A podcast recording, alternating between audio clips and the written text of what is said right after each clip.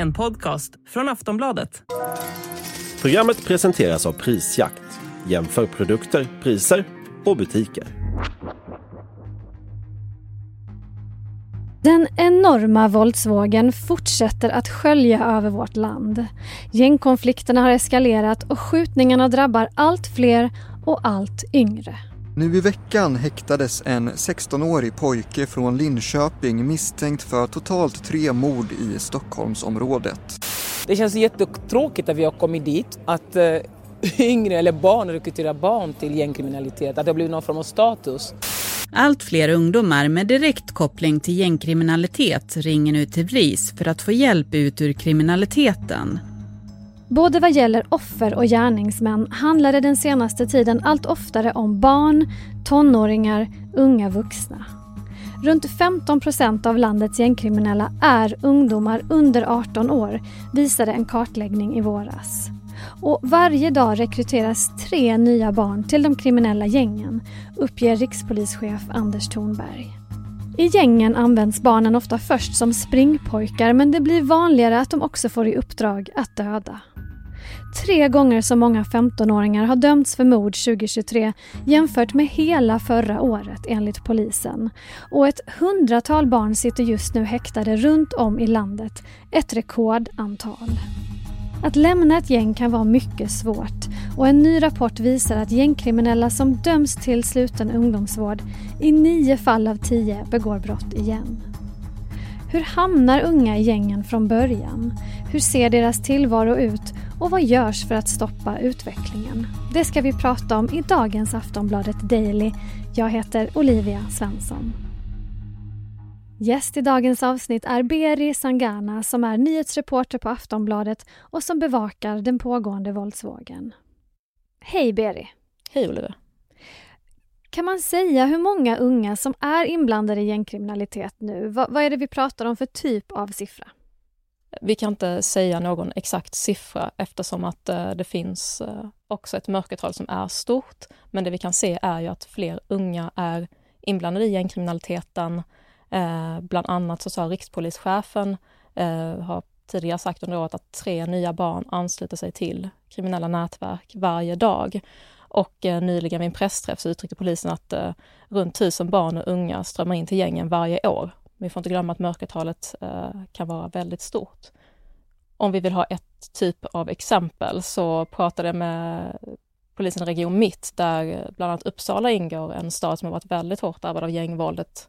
De, där berättar en polis att eh, 1260 personer ingår i vad de menar är kriminella nätverk och 570 av dem befinner sig i Uppsala. Av de här 570 så är 180 barn. Bara för att ta ett exempel. Otroliga siffror förstås och som du sa så ökar det hela tiden. Hur använder då gängen de här unga som rekryteras in i kriminalitet? man ska komma ihåg att det här med unga och barn i kriminella nätverk, det är ingenting nytt. Det har vi sett under åren, men då har det snarare varit att de används som så kallade springpojkar. Det är ett begrepp vi är bekanta med. Det kan handla om att de skulle transportera vapen, förvara narkotika men man har gått från de här små enkla uppdragen till att eh, nu handlar det om väldigt grova våldsdåd. Att faktiskt mörda människor. Um, och eh, de används på olika sätt. Man, man ser ju barn som, som eh, själva frivilligt ansluter sig till det här. Polisen har själv sagt att ja, barn hör av sig själva till gängen, kontaktar själva gängen för att de vill mörda. Det kan också handla om barn som blir eh, insocialiserade i det här kriminella beteendet, men också fall där barn blir hotade eh, och eh, utpressade eh, till det här. Hur får då gängen kontakt med ungdomarna? Vad använder de för ytor för att kunna rekrytera in barn och unga? Den här rekryteringen sker på olika vis och befin vi befinner oss också i en tid där, där mycket av det här sker på sociala medier. Men till exempel eh, det klassiska att de har vuxit upp i samma område, att det är så nära till hands. Men vi ser också hur kriminella nätverk eh, finns på sociala medier och det är där de unga är och det är där man också kommer i kontakt med eh, den här typen av kriminella nätverk. Och det ska också sägas att eh, när man pratar om de här barnen, det finns ett begrepp som vi, vi har börjat använda som, heter, som vi kallar för barnsoldater. Och det här är också ett begrepp som forskare själva använder när man pratar om de här barnen i kriminella nätverk. Att man har det är en forskare på Försvarshögskolan som nyligen gjorde en liknelse om att kriminella nätverk, man i krig så tvångsrekryteras barn för att utföra vissa uppdrag. Och den här forskaren menar på att man kan dra den liknelsen även på de här barnen som dras in i gängkriminalitet i Sverige genom våld, genom hot att utföra olika typer av uppdrag. Våld och hot kan ju då förstås användas som du nämnde nu, men att begå brott för gängens räkning, kan det handla om andra incitament också för de unga? Saker som status, makt, pengar. Hur mycket spelar sådana saker in? just när man tittar på det här, det som vi då får höra här av polisen berättat att barn själva är redo att kontakta gängen för att mörda. Det är klart att de befinner sig i en tid där man ser eh, hur allt fler barn dras in i det här och om du då har det här nära till hands, eh, det är klart att den typen av status kan spela roll. Eh, och speciellt, vi får inte glömma att det här också är barn vi pratar om. Barn som väldigt tidigt kommer i kontakt med det här och som 13-14-åring är man inte helt fullt utvecklad i hjärnan heller. Hur använder gängen sociala medier för att rekrytera unga? Det ska vi prata om när vi kommer tillbaka efter den här korta pausen. Hej, jag Ryan Reynolds. På Mint Mobile, we like to do the opposite of what Big Wireless does. They charge you a lot, we charge you a little. So naturally, when they announced they'd be raising their prices due to inflation, we decided to deflate our prices due to not hating you. That's right. We're cutting the price of Mint Unlimited from $30 a month to just $15 a month. Give it a try at mintmobile.com slash switch. $45 upfront for three months plus taxes and fees. Promo for new customers for limited time. Unlimited more than 40 gigabytes per month. Slows. Full terms at mintmobile.com.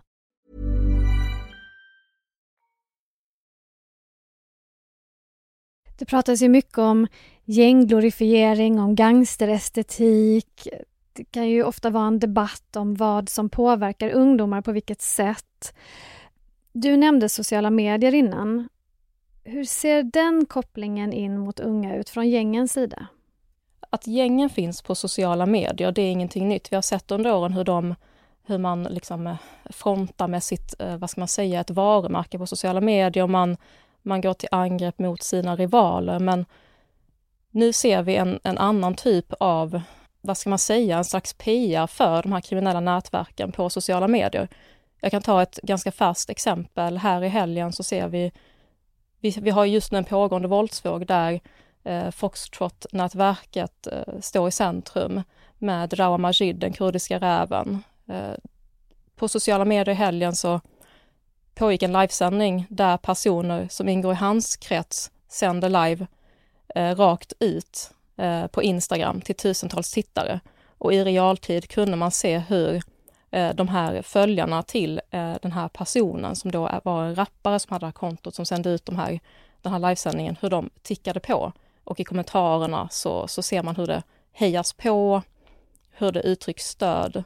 Och eh, det här är också en livesändning, det här är inte vilken livesändning som helst, det här är en livesändning till, på en helt ny nivå där man riktar hot mot sin motståndare, riktas också hot mot åklagare. Rakt ut öppet på Instagram, på sociala medier.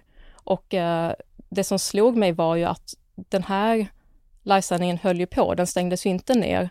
Och det är också en plattform för dem att visa upp sin, sin tillhörighet, till exempel i det här när, i fallet med Foxtrot-nätverket, att man eh, väldigt tydligt tar ställning genom att visa upp olika typer av eh, symboler rävringar för att visa sin tillhörighet med den här gängledaren Rawa Majid, den kurdiska räven. Det blir en rekryteringsplattform nästan då? När man då har blivit del av ett gäng så måste man ju också veta att konsekvensen kan bli många år bakom galler, många år på ungdomshem. Kan du berätta lite grann om den här synen på konsekvenserna? som nämndes här, vi, vi befinner oss i en helt annan tid där vi ser hur barn själva söker sig till de här gängen också.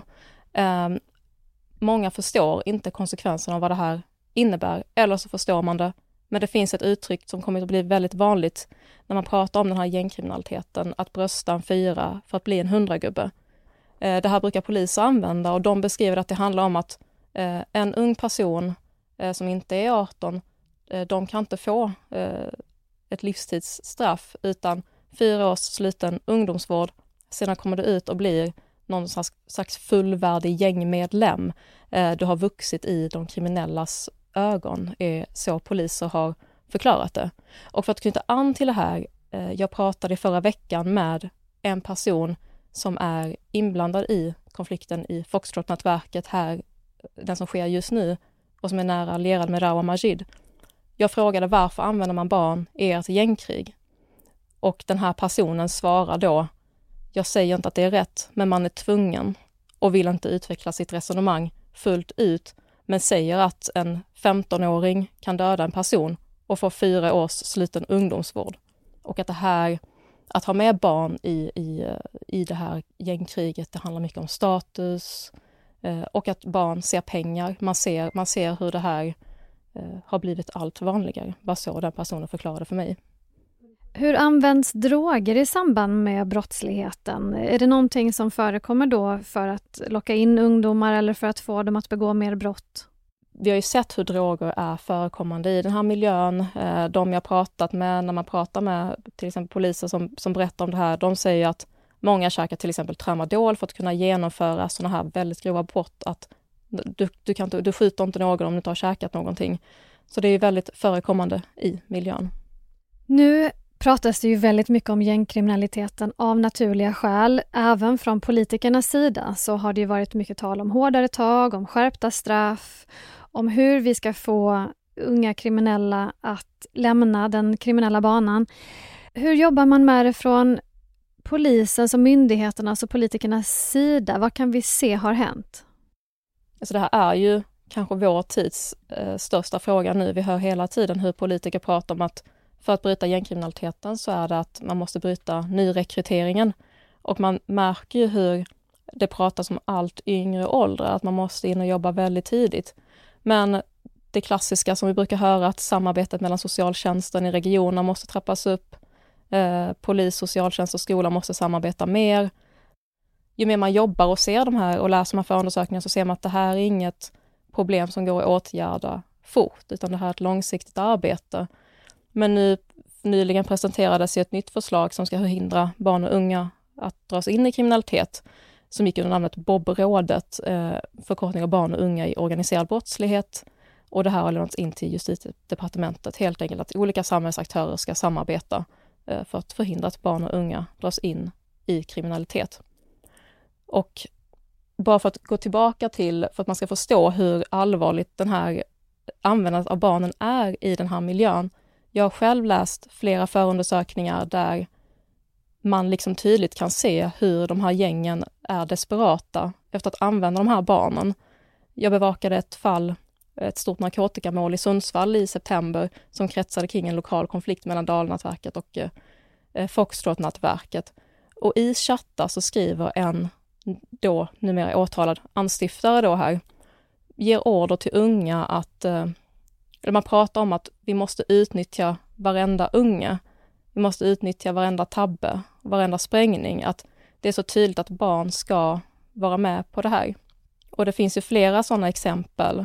Bara i januari hade vi en våldsvåg där väldigt många barn var inblandade. Jag var själv och bevakade de här rättegångarna i säkerhetssalen i Stockholms tingsrätt och såg barn så unga som 15 år sitter åtalade. Um, och i de här fallen fanns det ju gavs, gavs också order, barn som skulle utföra olika dåd. I ett fall var det där, eh, det framgick här förundersökningen i chattarna, hur man, en anstiftare som nu har dömts till ett långt fängelsestraff, gav order till ett barn att eh, eh du ska skjuta någon. Eh, ta någon med Gucci-keps och Haglöfsjacka.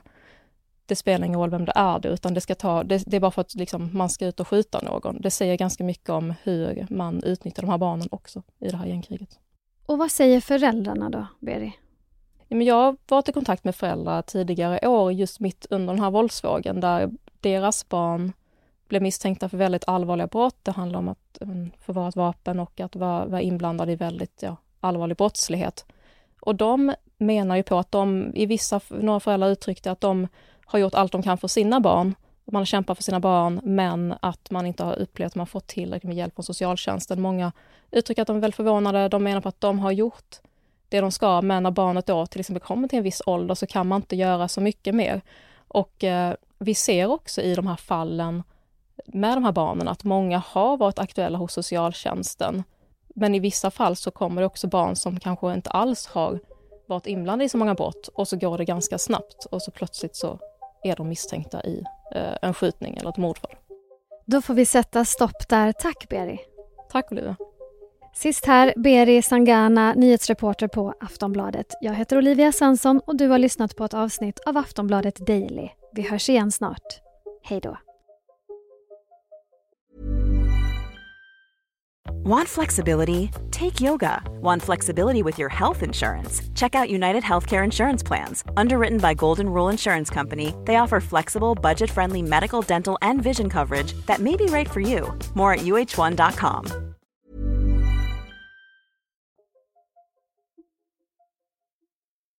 Du har lyssnat på en podcast från Aftonbladet. Ansvarig utgivare är Lena K Samuelsson.